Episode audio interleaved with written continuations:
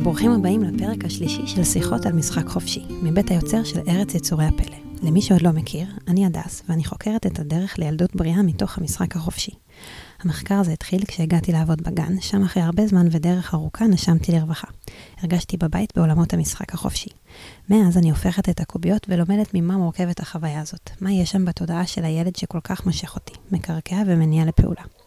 בשנים האחרונות למדתי חינוך אנתרופוסופי, למדתי מלאכות שונות, התעמקתי בתהליכי התפתחות הילד מהיבטים שונים. נהייתי אימא בעצמי לשני ילדים חמודים שעוזרים לי להמשיך ללמוד כל הזמן.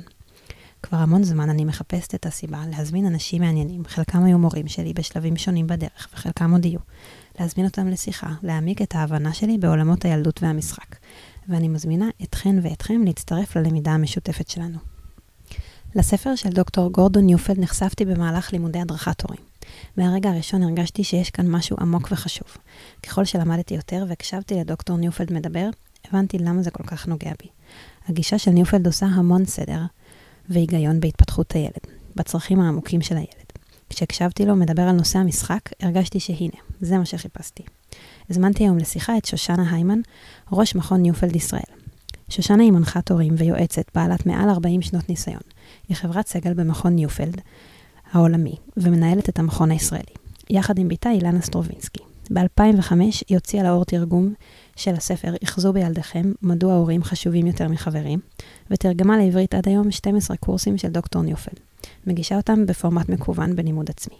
חוץ מזה, שושנה היא גם אימא לשישה, סבתא לנכדים רבים, שהם מקור ההשראה שלה. היא ממשיכה להיות מסורה לקידום הגישה ההתפתחותית-היקשרותית של דוקטור ניופלד. הייתה לי שיחה ממש מעניינת עם שושנה, ואני שמחה שתוכלו להקשיב לה.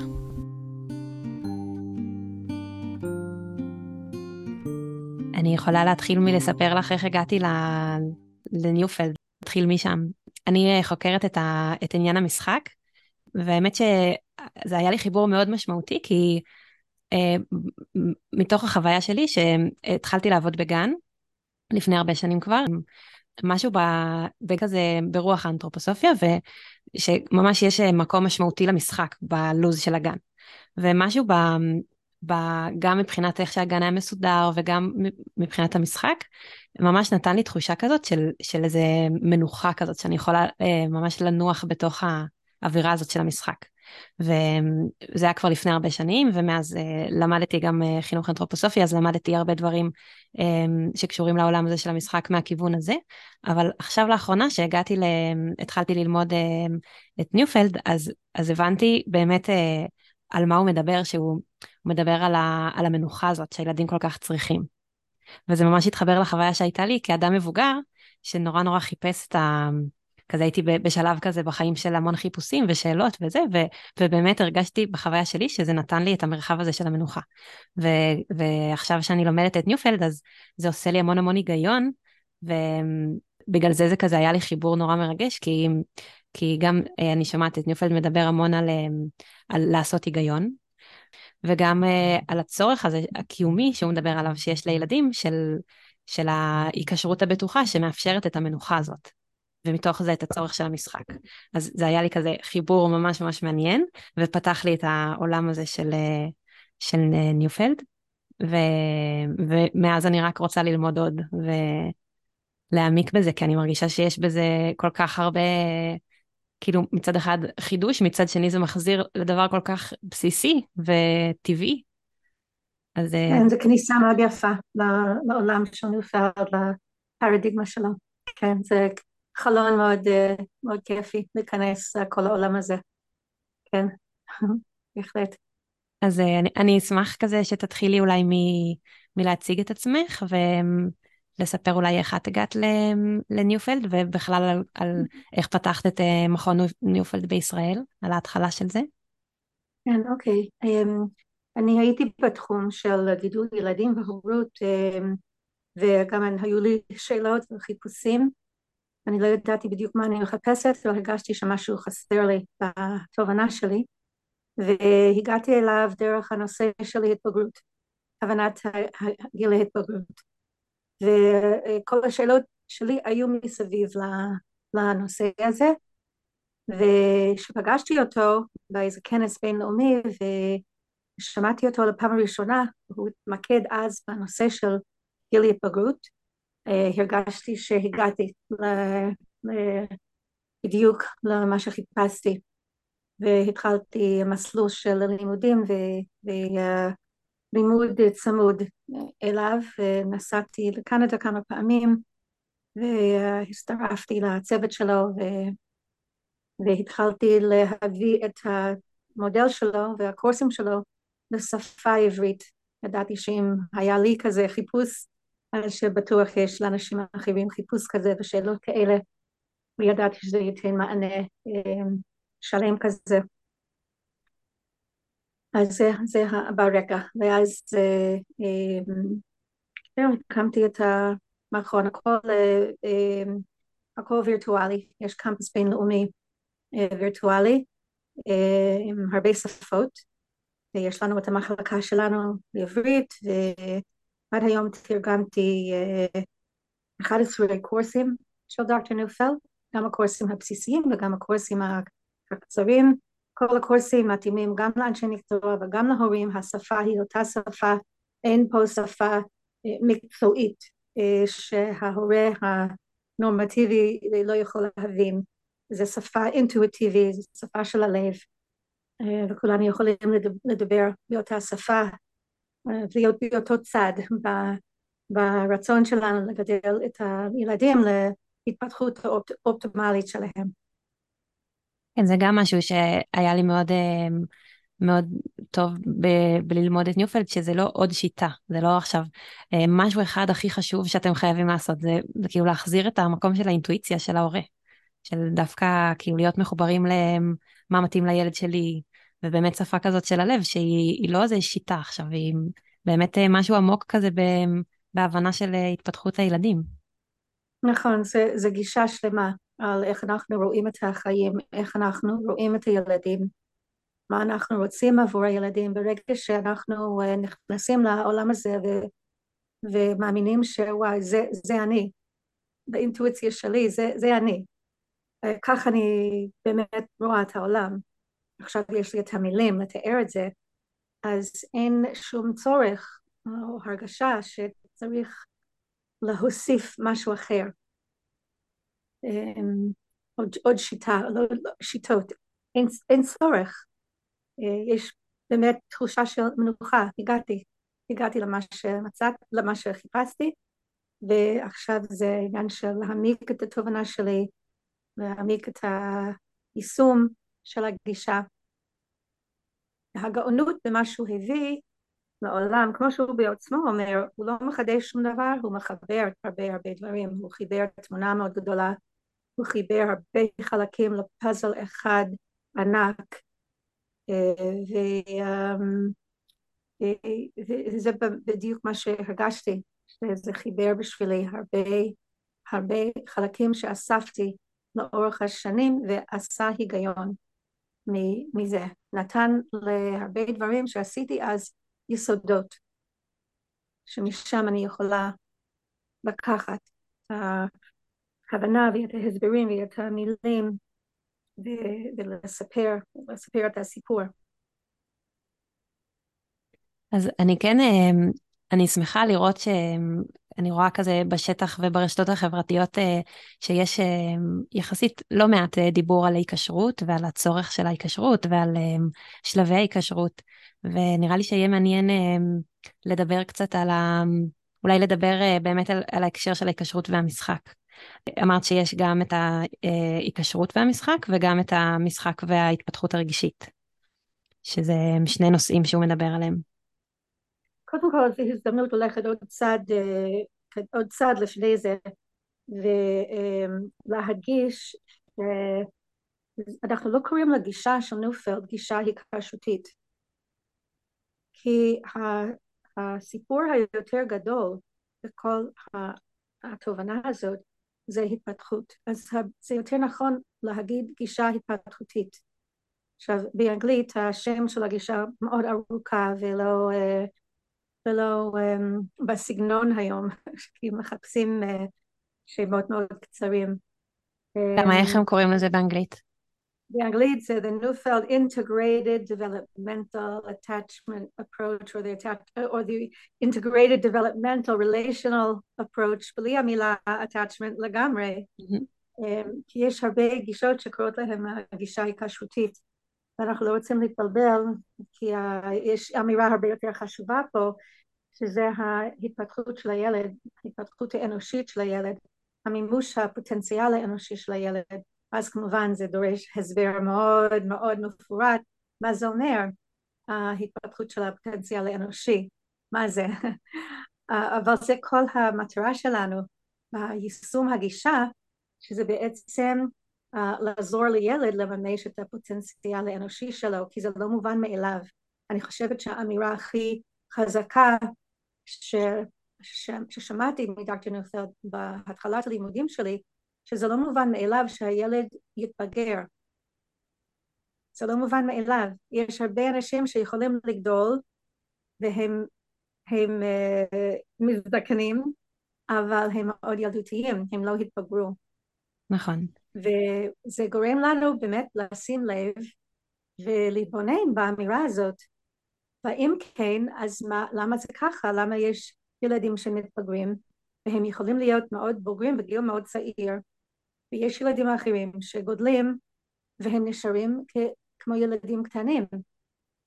אה, נכון, וגם מעניין לחשוב על, על מה זה בכלל הבגרות הזאת. כאילו מדובר בבגרות רגשית של יכולת אה, להכיל אה, כמה רגשות, של יכולת להיות עצמאי, עצמאי אבל לא כמו שמתבלבלים היום לחשוב.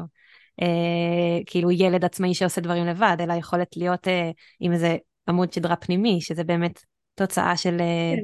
היקשרות אה, מבוססת. זה היקשרות של הילד לעצמו בעצם. מה, גורם, מה תורם לילד להיות מקושר לעצמו, לעצמיות שלו, איך העצמיות שלו מתפתחת. אז ההתפתחות הרגשית זה חלק אחד, ואנחנו רוצים לראות uh, עצמיות, אנחנו רוצים לראות עצמאות אמיתית, אנחנו רוצים לראות רמה גבוהה של אינטגרציה, של יכולת של בן אדם להשתלב בחברה ולהחזיק בעצמו, שהוא לא שוכח מי הוא ומה הוא מאמין, אז הוא יכול לעשות גם וגם, גם להשתלב בחברה וגם להיות אינדיבידואל, להיות הוא עצמו, עצמו האותנטי. בשבילי היה גם מאוד משמעותי בספר של ניופלד ש, של אחזו בילדיכם, שהוא מדבר על, ה, על המוכוונות חברים, ההבנה הזאת ש, כשאין את ההיקשרות הבטוחה והבסיסית, אז אנחנו כל הזמן נהיה מונעים מתוך הצורך הזה להיקשר ל... כאילו צורך ההיקשרות הזה, זה לא משהו שעובר לנו. ובעצם היכולת להיות אה, בוגר היא, היא כאילו תלויה בזה שלא נהיה מונעים מתוך הדחף ההיקשרותי הזה להיות שייכים לקבוצת אה, שווים, להיות אה, שייכים למשמעותיים עבור החברים שלנו. זה כאילו באמת תנאי שמאפשר לנו אינדיבידואל השלם. כן. אם נדבר על משחק ונתמקד בנושא המשחק הוא uh, מאוד חשוב, יש למשחק הרבה כוח. Uh, לאורך השנים דוקטור נופלד uh, הוסיף יותר ויותר uh, את הנושא של משחק בתוך כל קורס, אפילו הוא חזר וכתב קורס אחד משמעותי עוד פעם כדי להכניס את הנושא של המשחק לתוך אחד הנושאים בקורס. Um, קודם כל אנחנו רוצים um, להפריד בין משחק uh, למשחק אמיתי. אנחנו רוצים, uh, כשאנחנו מדברים על משחק, אנחנו מתכוונים משחק אמיתי. ספורט זה כמובן משחק, אבל ברגע שמתחילים uh, לדאוג על כמה נקודות אני אקבל, מי יבחר אותי לקבוצה שלו, מה יקרה אם אני לא משחק כמו שצריך, ביקורת, לעג, אם אני מפספסת, אז, אז זה, זה, לא, זה כבר לא משחק, זה כבר עבודה. אז um, אנחנו יכולים בעצם לפרט מה זה, מה המאפיינים של משחק. המשחק האמיתי, שזה משחק כן. חופשי, שהוא כן, לא עם מטרה מסוימת. כן. ואז לדבר על למה זה כל כך חשוב. Mm-hmm. Um, קודם כל, אה, אנחנו יכולים להבין את המשחק לפי מה שהוא לא. אז הוא לא עבודה. כשאנחנו בעבודה אנחנו דואגים על התוצאה. אנחנו לא נהנים מהעבודה לפעמים, אבל חשוב לנו התוצאה. יש השלכות לעשייה הזאת. אז משחק אמיתי הוא לגמרי לא עבודה. אין שום דאגה על מה יצא מזה, על התוצאה. אין שום השלכות לעשייה. זה, זה משחק לשם המשחק. משחק שהוא לא קשור לתוצאה. נכון, נכון. אה, דבר שני, הוא לא אמיתי. משחק הוא לא אמיתי. זה, זה משחרר את הדמיון, את היצירתיות. זה מניע אותנו למסגרת אחרת uh, של קיום. והכל אפשרי. Uh, במשחק את יכולה לעוף, את יכולה להיות אסטרונאוט, את יכולה להיות רופאה, uh, את יכולה להיות בכל מקום בעולם, את יכולה ליצור מלם אחר לגמרי, דמיוני. זה בעצם uh, מנוחה מהמציאות וקפיצה לעולם דמיוני. אני זוכרת פעם אימא שסיפרה שהילדים שלה מצאו קרטון ענק של מקרר ברחוב, מישהו קנה מקרר, זרק את הקרטון. הילדים חשבו שזה זהב, הם משכו את זה לדירה שלהם, הם היו צריכים לעלות ארבע קומות ללא מעלית עם הדבר הזה, שמו את זה באמצע הסלון, לא היה לאימא לב להגיד להם שהיא לא רוצה את זה באמצע הסלון, אף היא נתנה להם. והקרטון הזה היה בית, היה כיתה, היה רכבת, היה אוטובוס, מה שהם רצו, ושיחקו עם זה הרבה זמן. מי שיקשיב לנו אחר כך לא יראה אותך וחבל, כי זה נורא כיף לראות את החיוך שיש לך על הפנים שאת מדברת על זה. באמת נראה לי לחשוב על משחק כזה, זה, זה משמח כל אחד, כי זה כאילו להתחבר למקום הכי uh, יצירתי כזה שיש בתוכנו. וגם נכון, המנוחה הזאת מהמציאות, מי לא צריך אותה, זה כאילו מקום כל כך uh, נעים לחשוב עליו. נכון, זה מזכיר לנו מהילדות שלנו והמשחקים שלנו, וזה משמח, וזה משחרר את המשחקיות שלנו, playfulness. אנחנו רוצים להיות במצב של, של משחקיות כמה שאפשר, להיות במקום המנוחה הזאת. אז, אז, אז זה המאפיין השני, שהוא, שזה דמיוני, המשחק האמיתי. Uh, uh, זה גם נותן לנו uh, ביטוי עצמי. אנחנו יכולים לצאת מעצמנו, מי שאנחנו באמת. אנחנו לא צריכים להתבייש, אנחנו יכולים להביע את כל הרגשות שלנו, רעיונות שלנו, um, זה. אנחנו משוחררים לנוע בתוך המשחק. וזה גם מרגיש בטוח, אנחנו צריכים, זה צריך להיות בטוח. זה הסיבה שיש לנו um, playgrounds, באנגלית קוראים לזה ה-playground. זה שטח מוגדר, מוגן, שבו ילדים יכולים להשתחרר ולשחק בלי לדאוג. אז uh, המגרש המשחקים. ראיתי שמדברים הרבה אצל אה, ניופלד על ה-emotional playground. כאילו נכון. נכון. יכולת ל... לעשות מרחב בטוח רגשית למשחק. כן, כן, זה, זה, זה עוד עניין, כן, זה צריך, זה, זה חלק מזה, זה חלק מהביטוי הרגשי. שהרגשות שלנו משוחררים לצאת ולקבל ביטוי, בלי לדאוג על שום השלכה. לדוגמה, היה לי אה, נער שבא אליי, שבכל משפט היה קללה. הוא הרבה חזר על אותה קללה, את יכולה כבר לדמיין איזה קללה זה היה, הכי גרוע שהוא היה יכול לחשוב עליו.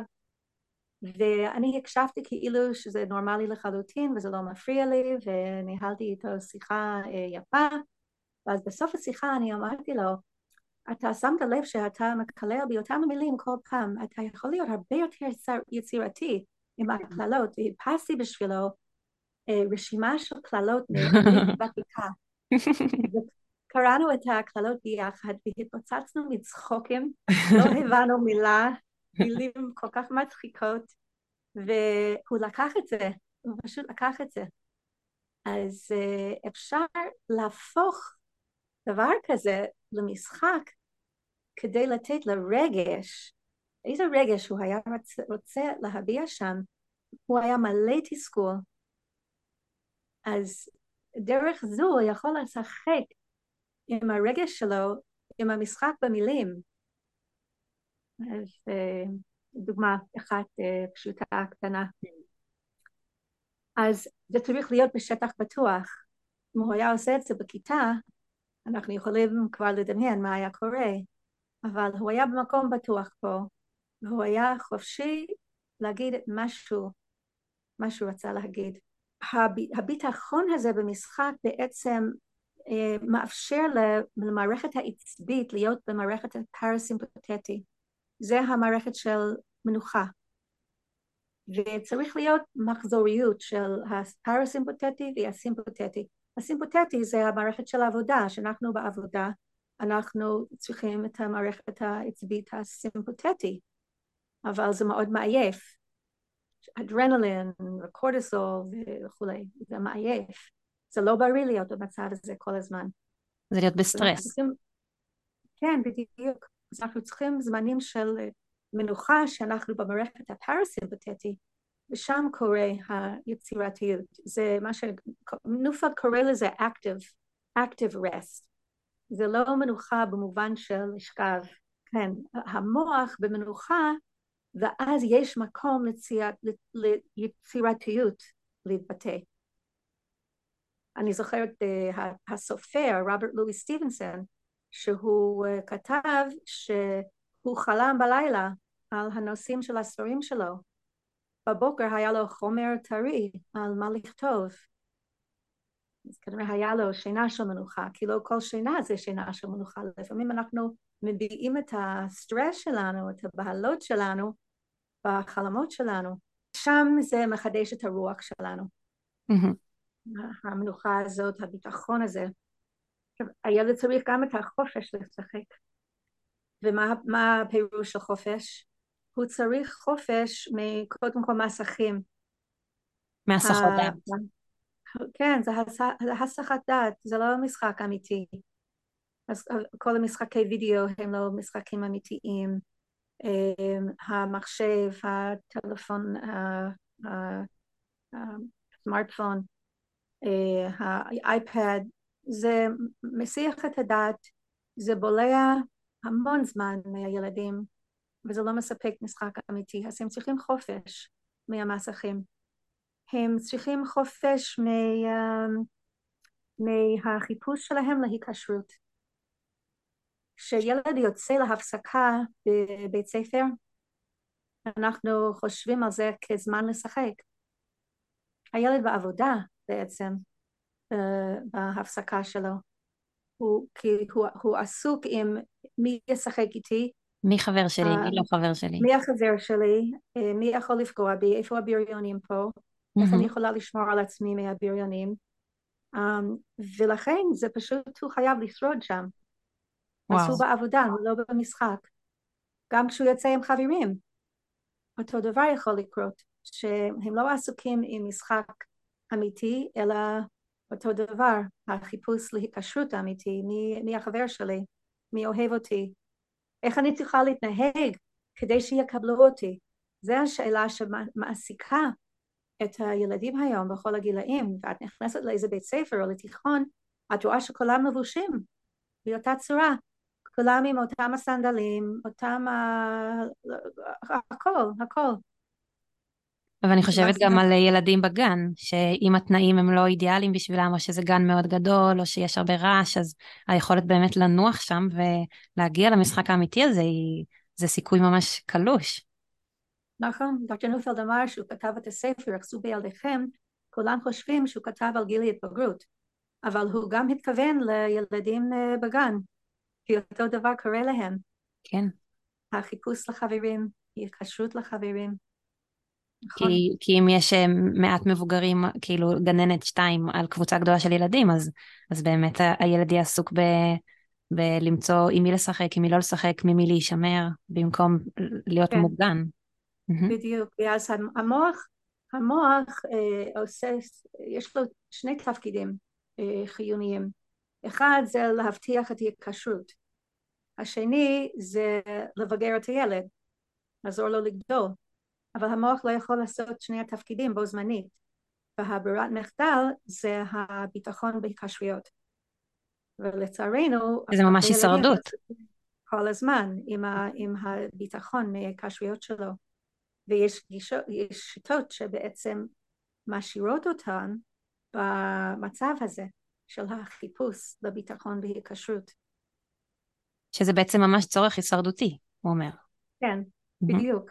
בדיוק. היקשרות זה בהחלט הישרדות. כן. אז בעצם מה שהוא אומר זה שהצורך בהיקשרות הוא הישרדותי והוא גובר על, ה, על הצורך ב, באותנטיות של המשחק, של לבוא לידי ביטוי, ובעצם אם ילד יהיה כל הזמן בהישרדות של למצוא היקשרויות, אז, אז הוא פשוט, זה ימנע ממנו התפתחות, נכון? כן, הוא לא, הוא לא משוחרר לשחק באמת. כן. זה ממש אה. רציני, זו אמירה גדולה. ממש. אז זאת אומרת שהמשחק אה, צריך תמיכה היקשרותי. הילד צריך את הביטחון בהיקשרות כדי להשתחרר לשחק. אמ, והמשחק אה, בעצם מושך אותנו. אי אפשר להגיד לילד לך לשחק. זה מאוד פופולרי להגיד go play, לך לשחק, אל תפריע לי, לך לשחק. אי אפשר לתת למישהו פקודה לשחק, זה צריך להיות מונטני. לבוא מתוכו. אנחנו צריכים להיות בראש משחקי, זה משהו שבא מבפנים. Mm-hmm. אני, זה גם נכון לילדים וזה גם נכון למבוגרים. אה, פעם אחרי תקופה ארוכה של עבודה, אני יצאתי לחופש עם בעלי, ואני חשבתי בראש איך אני אשחק, מה אני רוצה לעשות. אני לא יכולתי לעשות שום דבר, הייתי צריכה פשוט לשבת ולעשות כלום. כי אם שואלים, אז איך מקבלים משחקיות? מחכים לזה, לבוא, פשוט עושים כלום. זה כמו אה, כל, כל יוצר מכיר את זה, שהוא רוצה ליצור משהו ואין השראה. וההשראה כן. מגיעה ממנוחה, ממחשבה, מ... זה ממש אותו דבר כמו משחק. נכון, נכון, כן. אפילו פודוב, פודוב אמר לפיגלט, לחזיר, החזיר שאל אותו, אה, מה אנחנו עושים? אז אה, פודוב אמר, אנחנו עושים כלום. אז הוא אמר, לפעמים הדברים הכי טובים באים מכלום. זה גדול. מאוד, וכמה זה נדיר היום, הכלום הזה. כן. גם, נכון. גם לי כבן אדם מבוגר, אני רואה שקשה לי ל- לא, לא לעשות כלום. נכון, כי... צריכה להחליט שאני לא עושה כלום. נכון, זה התרבות שלנו. התרבות שלנו אומר שאם אנחנו לא עובדים, אנחנו מבזבזים זמן. נכון. אז אה, כשרואים בן אדם שלא עושה כלום, במיוחד ילד שיושב ועושה כלום, אנחנו חושבים שאנחנו צריכים איכשהו להניע אותו, לך לעשות משהו, אולי תעשה ככה, אולי תעשה ככה. אבל הכלום הזה זה בעצם זמן של אה, להניע את המשחקיות. כי אנחנו מפחדים מזה שהילדים יגידו משעמם לי, משעמם לי, במקום להגיד מעולה, משעמם. עכשיו תעשה כלום ומשם יצא משהו חדש. כן, כן. אז אה, דוקטור נופלד מגדיר את המשחק כמו בועה.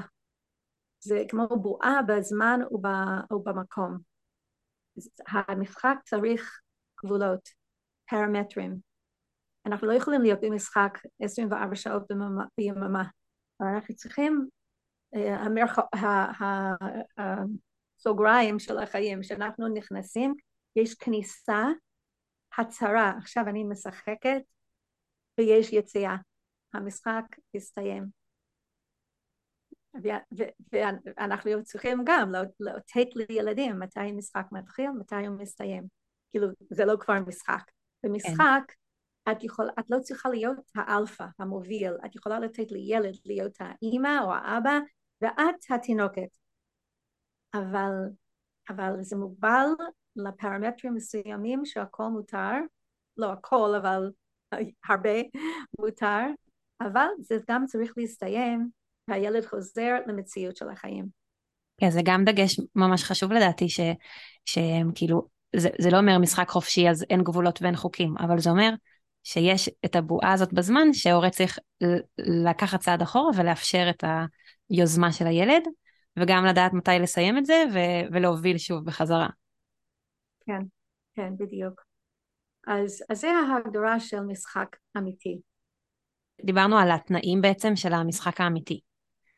של ה... נכון. שהוא לא מוכוון נכון. מטרה, שהוא לא אמיתי, שהוא דמיוני, שאפשר uh, לבוא לידי ביטוי עצמי, ושזה צריך להיות מרחב בטוח. Uh, הוא חופשי מהסחות דעת, um, ושהמשחק בא מבפנים בעצם, מהיוזמה של הילד. והדבר האחרון שדיברנו זה הבועה בזמן. כן, והחופש מהטיפוס להיקשרות בטוחה. כן. בעצם ההתפתחות הרגשית לא יכול להתפתח בלי משחק. המשחק הוא הכרחי להתפתחות רגשית אה, לילדים. אה, מבוגרים יכולים ללכת לזמן מה בלי, בלי משחק, אבל לילדים זה חובה לבריאות הנפשית שלהם. וזה מזכיר לי שגם בזמנים של מלחמה ילדים יוצרים משחקים. ואני זוכרת שקראתי ספר מדהים על ילדים בשואה והיה סיפור אחד על אמ, ילדים שבגטו השתמשו בסמרטיות. הסמרטיות הם הפכו להיות בובות. משחקים של לקבור את המתים. וואו. זאת אומרת שהעוצמה של המשחק מתאימה למציאות מסביב לילדים. זה הדרך שלהם ל... והם יכולים לשחק משחקים מזעזעים. וזה בעצם משחרר, משחרר את הרגש. אני זוכרת בזמן מלחמת המפרץ, אחד הבנים שלי היה בגיל של הגן, טרום גן, גן חובה. וכל יום, כל הצהריים, הוציא את כל הקוביות, עשה שורות של חיילים, ושיחק מלחמה. ויום אחד אני הלכתי לחנות צעצועים כדי לקנות לנו חי... שקית של חיילים. Mm. לא היה לנו בבית. ארבע בנים, לא היו לי חיילים בבית. אבל um, קניתי שקית של חיילים, והוא ממש שמח. שמחה וצהלה עם החיילים האלה, עם הקוביות. הוא דילב את זה לתוך הקוביות, הוא שיחק צבא מול צבא, ואני חשבתי, וואו, מאיפה זה הגיע? איפה זה הגיע, הרעיונות שלו? אבל אה, זהו, זה זה התאים לעוצמה של המציאות שבו חיינו אז. כן, אני, אני רואה גם את הבן שלי עכשיו, יש לי בן ארבע ובן שנתיים, אז הבן ארבע שלי מתחיל עכשיו מאוד לשחק בחרבות ורעים וטובים, זה משהו שנורא מעסיק אותו, וזה מעניין, כאילו, אני לא חושבת שאנחנו מדברים בבית אה, על, אה, על דברים כאלה, וגם אה, אנחנו כאילו לא רואים פה טלוויזיה או שומע חדשות, אבל זה עדיין משהו ש, שמעסיק אותו, זה חלק מהעולם שלו. כן, כן, אנחנו לא צריכים לפחד מזה. Mm-hmm. זה לא יהפוך את הילד לאדם אלים, להפך. זה, זה עוזר לשחרר, הנה זה, ה, זה הפרמטרים של המשחק, ששם מותר. וזה פשוט אה, מקנה לו את המנוחה הנפשית שיעזור לו להתפתח רגשי ולהיות בוגר. כן, כאילו היכולת, אה, כאילו זה מין מרחב שאפשר להוציא בו את כל האגרסיות האלה ואת ה, את השאלות האלה שמעסיקות את הילדים, את הרעים, את הטובים, את ה... כאילו כן. את העולם המבוגרים הזה שהם קולטים אה, חלקים ממנו. כן, ו- וכאילו כן. היכולת לשחרר את זה החוצה היא, זאת בריאות אה, רגשית, כאילו שזה לא יישאר כן. בתוכם. אם, אם אנחנו כבר מדברים על זה, אני, אני אזכיר שזה uh, רצוי שילדים ישחקו לבד, לבד עם עצמם. זה um, באמת משחרר את היצירתיות שלהם והרעיונות שלהם, דמיון שלהם, אבל נותן להם הזדמנות. יש הרבה, אני שומעת גם מכל מיני הורים שהם, שכי אולי בגלל שילדים לא מורגלים בשריר הזה של המשחק, אז, אז קשה להם, להם לשחק, כאילו, קשה להם לה, לשקוע למשחק, ואני תוהה אם זה משהו ש, שהתפקיד של ההורה הוא לעזור במשחק, או שיותר התפקיד של ההורה הוא להוריד את הגירויים וליצור את הזמן הזה של הכלום.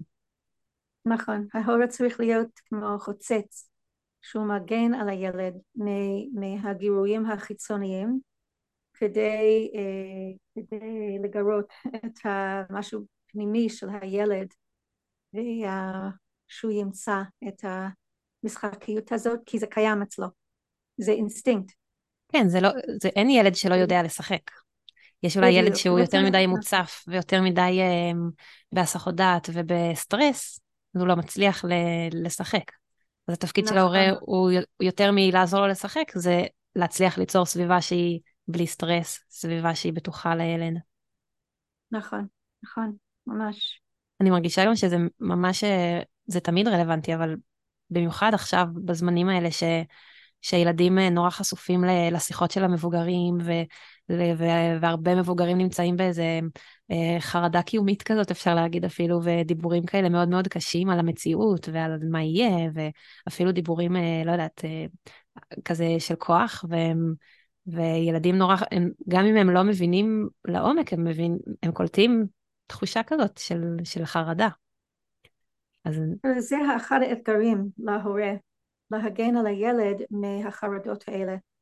כי שהילד רואה שההורה במתח, בסטרס, אמ, לחץ, אמ, בהלה, אז הוא מרגיש פחות בטוח. הוא צריך לראות, העולם יכול להיות מאוד, אמ, מאוד מחריד, אבל אם ההורה משדר ביטחון ושאני מובילה ואני מנהלת את העניינים ואין לך מה לדאוג ואני לא אתן שום דבר רע לקרוא לך, לקרות לך. אז הילד יהיה בסדר ויש uh, הרבה דוגמאות, יש דוגמה אחת של uh, בזמן השואה הורים עם, עם הבן שלהם שהוא היה בן ארבע הם התחבא בארון בבית של מישהו וההורים לא יכלו לעמוד אבל הילד כן היה יכול אז הם היו צריכים להיות בשקט. uh, וההורים היו מספרים לבן שלהם סיפורים כל היום ויעשו איתו התעמלות להזיז את הידיים והרגליים שלו. הוא, הם, הם היו בסכנת חיים אבל הילד הרגיש בטוח. היה כיף לו כי הוא היה, היה לו שני הורים ששיחקו איתו והוא הרגיש בטוח הוא אמר שהכל השתנה שאימא שלו עבר את הסף שלה לסבול את המצב. והיא התחילה להיות בדיכאון ולבכות הרבה ואז הוא הרגיש בדיוק הפוך, מאוד לא בטוח, אה, זהו, אה, אז אה, זה גדול, איזה כוח יש להורים לתת לילדים שלהם את תחושת הביטחון שבעצם ילווה אותם כל החיים שלהם. כן, זה ממש הבנה... כן. הבנה ממש רצינית. בעולם. הם יצאו לעולם וירגישו ביטחון, כי שה... מערכת יחסים בין ההורה והילד מעמיקה, אז uh, הקשר הזה הוא נצחי, ונשאר עם הילד תחושה כזה של, של ביטחון בעצמו, בעולם, שהעולם הוא מקום טוב. כן, וזה דברים שממש אה, הם מקבלים בשנים הראשונות האלה, שהן כל כך חשובות. אה, אפשר בכל, זה היופי בתובנות האלה, שזה בעצם אפשר בכל, לכל השנים. כן, אז, אז אולי תגידי על זה קצת, כי, כי זו גם שאלה שהרבה כזה שואלים אותי, אז כאילו האם אפשר לתקן, או האם ילדים שהם כבר יותר גדולים ורוצים להחזיר להם את היכולות משחק האלה, או להחזיר אותם למקום הבטוח נכון. הזה, מה אפשר לעשות? וואי, זה כן, מאוד חשוב, מאוד חשוב לדעת את זה, שתמיד אפשר לתקן בכל גיל. אפשר לשנות כיוון, אה, ולשנות את הדברים וללכת לכיוון אחר לגמרי ולתקן את העניינים ולעזור לילד ולעזור לעצמנו. בהחלט.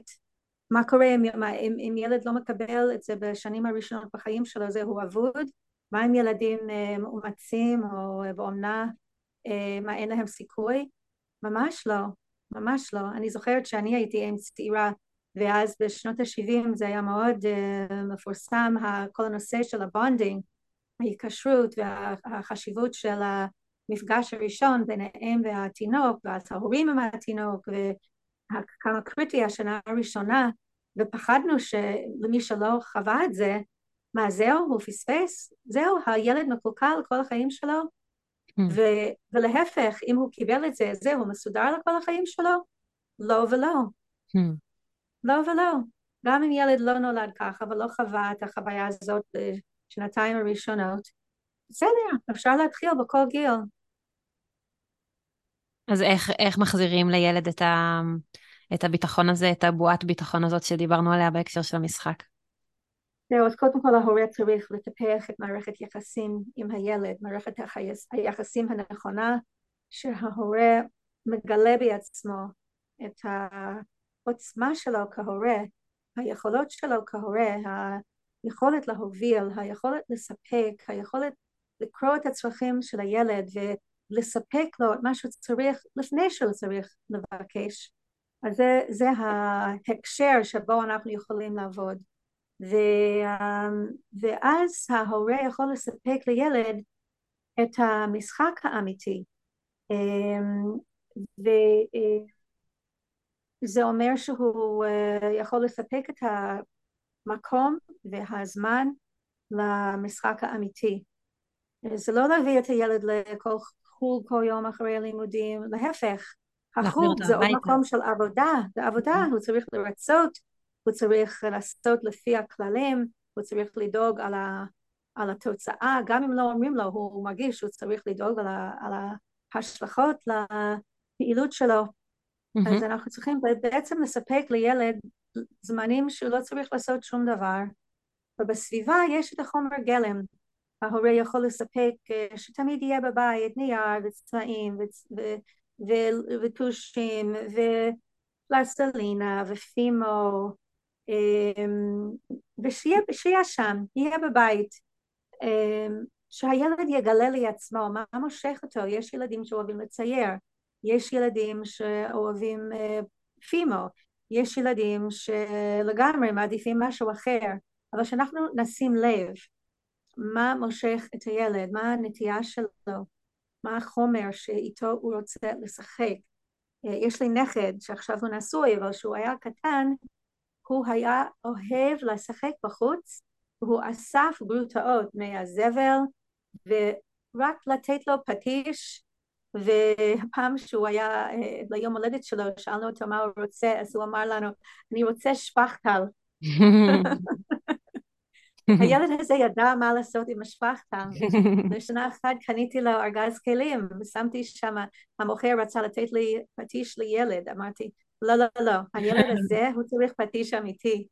אז, אה, אה, ומה שאנחנו רואים במשחק של ילדים גם זה רמזים על מה שהם יבחרו בעתיד שלהם.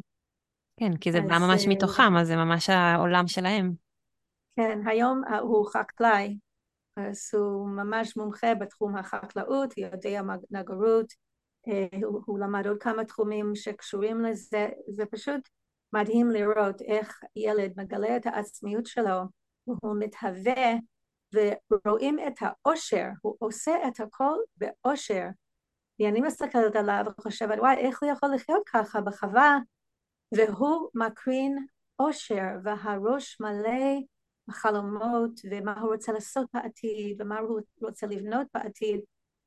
היום אנחנו חושבים שזה חריג, זה לא חריג, זה מה שצריך להיות, זה מה שצריך להיות נורמלי. כי יש לכל ילד את הייעוד שלו, את הדבר המיוחד שהוא יכול לתרום לעולם, וזה הוא יכול לגלות במשחק, במצב של מנוחה. אז לספק לילד את הזמן, את המקום, חומרי גלם, לא לפחד מהבלגן, כי זה עושה בלגנים, בלגנים כמו הקרטון באמצע הסלון, אה, והאוסף של גלילים מנייר טואלט וממגבות נייר אה, שהם גוזרים וכל הבלגן שזה עושה, בלגן מהצבעים והציור. עוד, עוד זירה של משחק נפלא זה מסכות ותחפושות, שיהיה קופסה בבית, כן, שיהיה סל בבית עם מפחות וחגורות ונעליים וכובעים, שאול ישן, לפני שאנחנו זורקים, הנה לקראת פסח, לפני שאנחנו זורקים, מה יכול להיות בארגז המשחק של, של הילדים? תכשיטים ישנים, ו, ואפשר גם לחפש בילדים איזה רגש יכול להיות תקוע בילד. האם הילד בזמן האחרון ביטא אכזבה או עצב, מתי הוא בכה לפעם האחרונה, אז אפשר לספק לו הזדמנות להביע את הרגשות האלה במשחק. כן, שזה, אני חושבת שזה דגש ממש חשוב, כי היום שהורים נורא uh, מתמללים את העולם לילדים וכל הזמן מדברים, מדברים, מדברים, אז יש הבדל ממש משמעותי בין לדבר על הרגשות לבין למצוא להם ביטוי במשחק. ש... נכון, שאת זה אנחנו נכון. רוצים, ולא, ולא לדבר עם ילדים על רגשות, כי זה לא שייך לעולם שלהם, הדיבורים האלה. נכון, וגם המשחקים, אם, אם, יש הרבה משחקים היום שמנסים לדבר על רגשות, וזה רק מעורר בעלה אצל ילדים, זה מבהיל מדי mm-hmm. לדבר על זה ולחשוב, אוי, מה הרגש הנכון פה, כאילו. אז עדיף שזה יקרה בסמוי כזה, שזה פשוט מתבטא אצל הילד. אז אפשר לשחק עם בובות, בובות יד, אפשר לדבר על כמה שהבובה עצובה, אה, ולראות איך הילד לוקח את זה ומה הוא יעשה עם זה. אה, אה, הבובה שכועסת. או אפילו משחק של דמויות כזה, של להיכנס לדמות של הטובים ושל הרעים ושל הכועסים, כאילו ממש פיזית להוציא את זה דרך המשחק.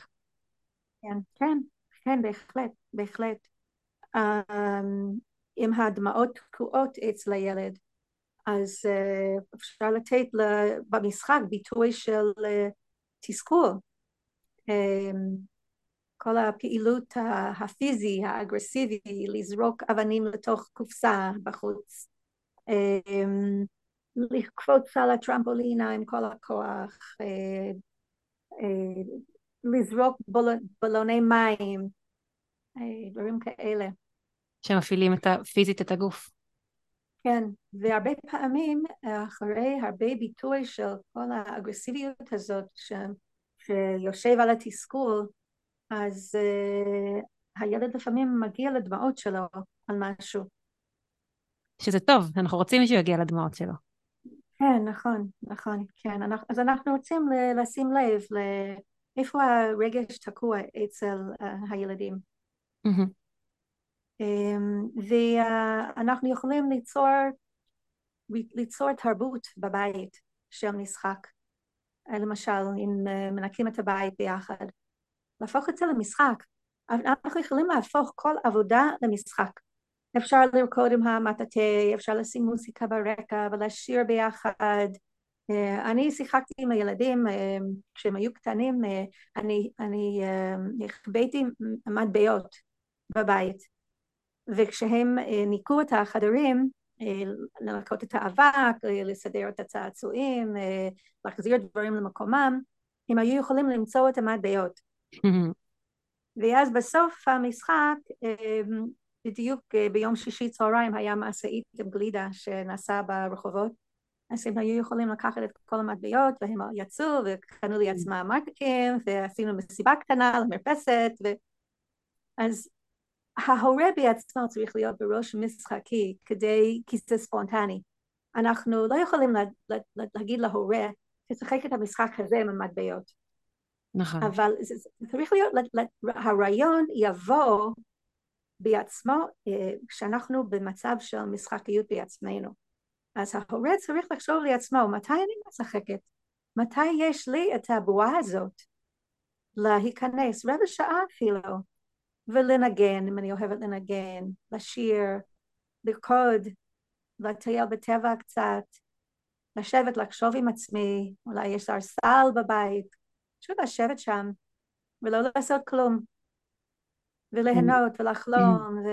שמעתי גם את, אה, את ניופלד אומר, ממש, אה, ממש התחברתי לזה, שהוא אומר שזה נורא קשה להיות הורה אם אין לך את ה playfulness הזה, כי אחרת זה הופך להיות אה, פשוט רשימה של משימות בלתי נגמרת, ו, ואם אין לך את המשחקיות הזאת, אז זה, זה יותר, כאילו זה, זה פשוט קשה. נכון, נכון מאוד, ממש. המשחקיות הזאת היא ממש בריאות נפשית גם למבוגרים. נכון, והילדים נותנים לנו את ההזדמנות לחזור למקום הזה בראש שלנו, כי הם כל כך מתוקים ומצחיקים, הם מאוד מצחיקים ילדים, ויש להם רעיונות באופן טבעי כל כך יצירתיות, יצירתיים, ואנחנו יכולים בעצם אה, להתענג על זה. במקום להיות כבדים ולראות כל דבר כמשהו חינוכי, ועזבו, ליהנות, להתענג.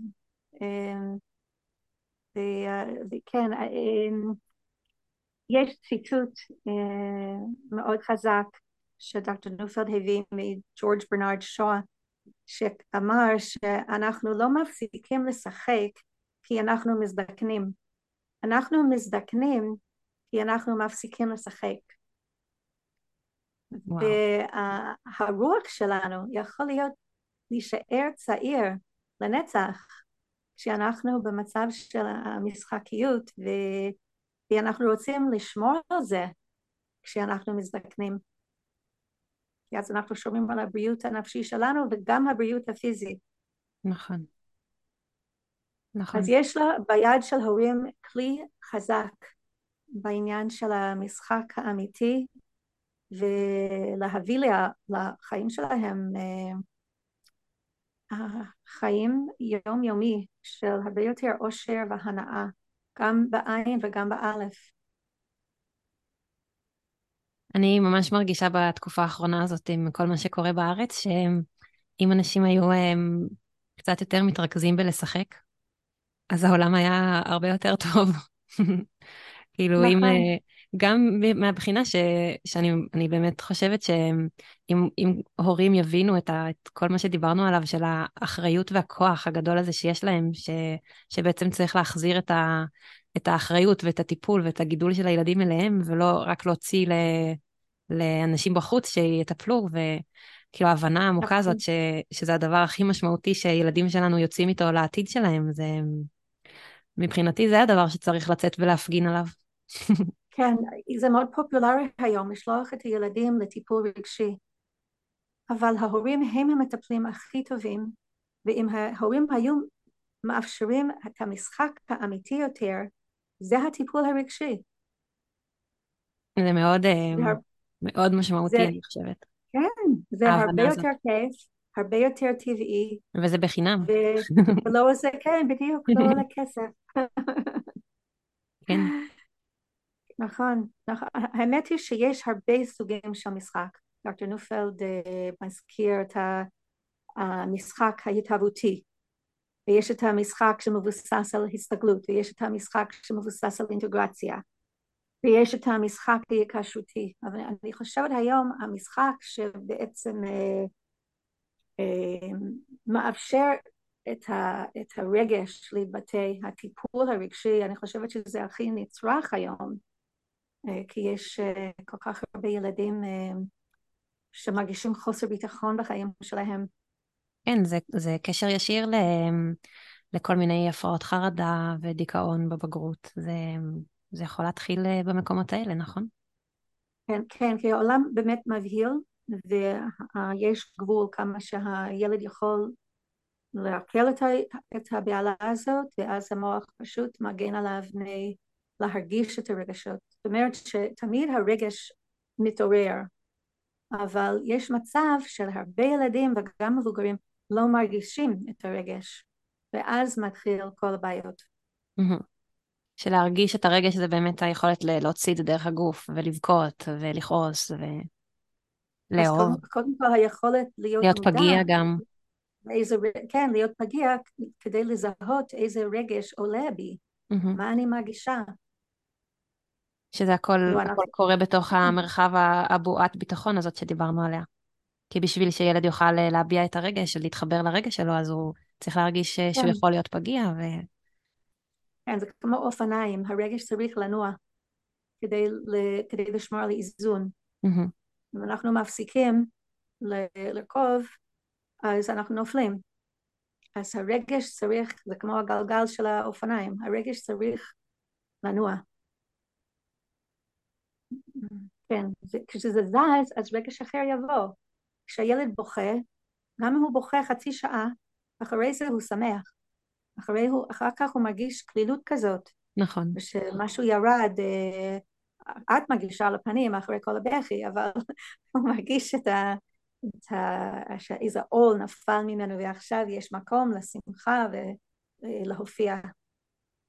נכון. אז זה חשוב שהילד יהיה מסוגל להכיר, ליצור, אה, ליצור מערכת יחסים עם הרגשות הפגיעים, לזהות אותם ולהביע אותם, לדעת איך לקרוא להם ולמצוא את הדרכים, זה יכול להיות בכתיבה, ככל הילדים מתבגרים יותר אז הם מחפשים את הביטוי לרגש דרך הכתיבה, אה, מוסיקה, דרמה, אה, אומניות. שזה בעצם מה שהתרבות מספקת לנו. מה זה פורים? Mm-hmm. יש, אנחנו ברי מזל שיש לנו מסורת שאלפי שנים מספקת לנו זירות למשחק אמיתי. נכון, בדיוק חגים, חשבתי על פסח שסיפרת על המשחק שלכם, של הניקיון, אז זה בדיוק כמו לחפש חמץ בפסח. ובתוך התרבות יש לנו כבר uh, כל מיני מנהגים שמאפשרים לנו את המשחקיות, את המנהגים, את החזרתיות.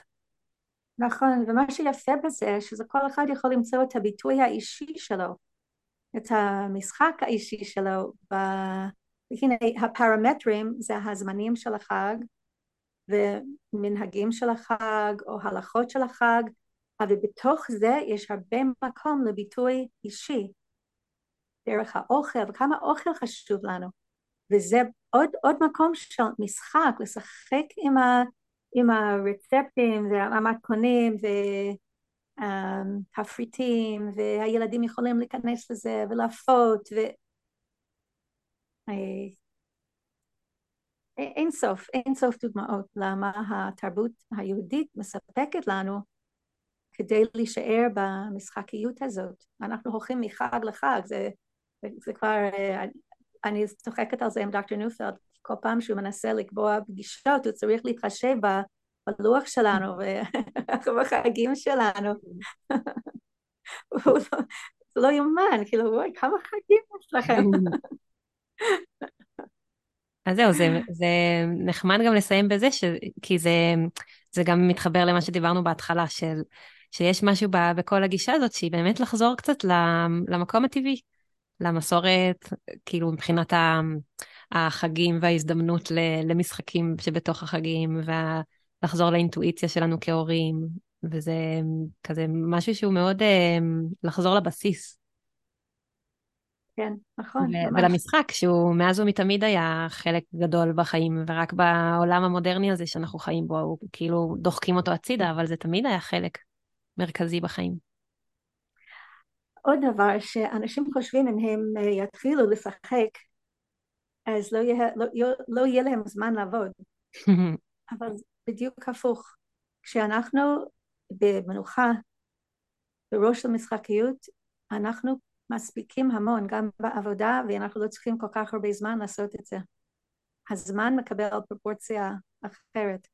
זה, זה מרתק זה פשוט מרתק. אז אה, ממש ממש תודה שושנה על השיחה הזאת, זה היה ממש מעניין. יש לי עוד אה, מלא מלא שאלות, אבל אני אשמור אותן. ותודה כן. שנתת לנו אה, את הבסיס הזה גם לגישה של ניופלד וגם למקום של המשחק בתוך העולם הזה. זה היה לי ממש מרתק. תודה שהזמנת אותי.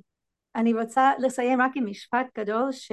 שהוא אמר שהרגש זה הדרך של הטבע לטפל בנו.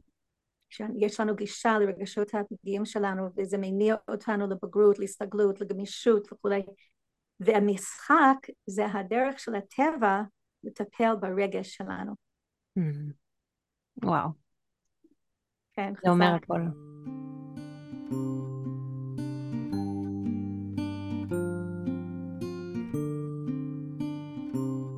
אז תודה רבה רבה לשושנה היימן שפתחה לנו צוהר לעולם של הגישה ההתפתחותית היקשרותית ולמקום של המשחק בתוכה. אני מזמינה אתכם להיכנס לאתר של מכון ניופלד, לצרף קישור כמובן, להעמיק וללמוד עוד. יש קורסים מקוונים וזמינים ללמידה עצמית. תודה רבה לכל מי שהאזין שהייתם שותפים ללמידה. אני אשמח מאוד לשמוע מחשבות ושאלות מה היה עוד מעניין אתכם ואתכם לשמוע. ניפגש בפרק הבא של שיחות על משחק חופשי.